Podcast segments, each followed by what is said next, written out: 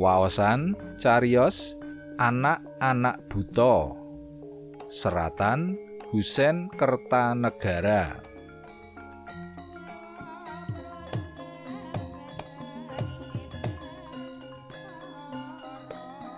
Dalang seto rangu-rangu.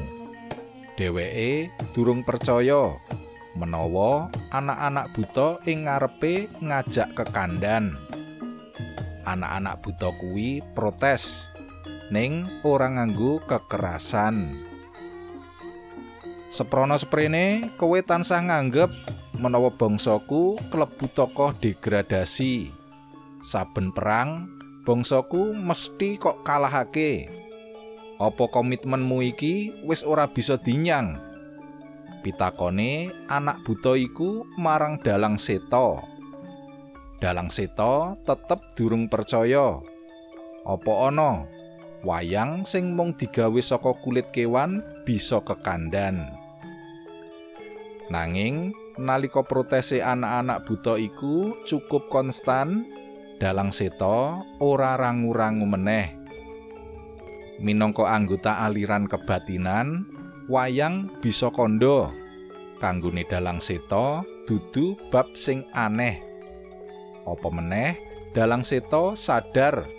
Menawa seprana seprene ora tau kolusi karo para satriya. Sing tansah dimenangake nalika peperangan mungsuh bangsane buta. Dalang seta paham. Menawa menangi perang para satriya mungsuh buta mung manut pakem. Coba pikiran pisan meneh.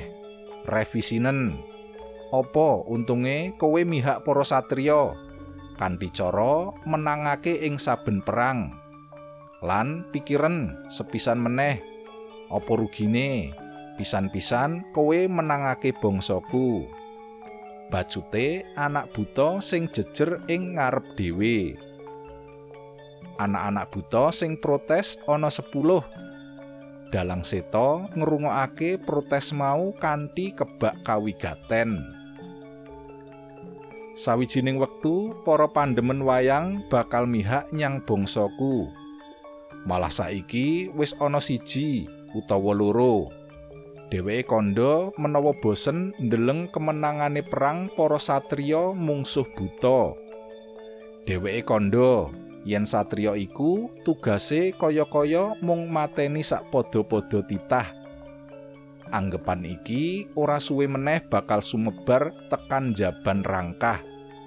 Sambunge anak buta sing ngadeg jejer nomor loro.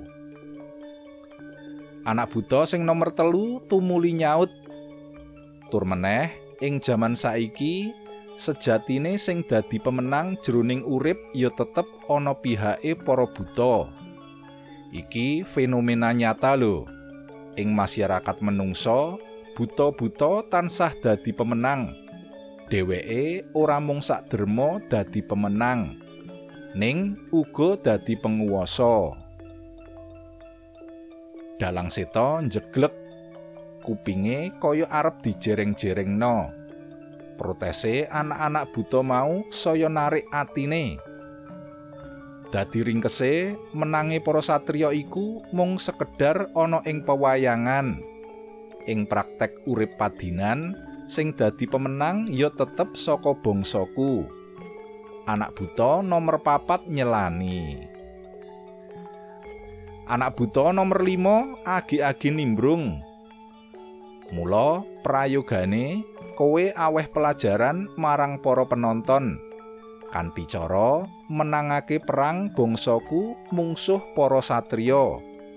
Sadarno menawa uripe wong saiki wis ora kaya ing cerita wayang. Beberno menawa bangsa buta wektu iki wis nguasani kabeh bagian bumi. Mung wae buta-buta saiki ora kaya buta ing cerita wayang. Para miyarsa, kados pundi cariyos candhaipun?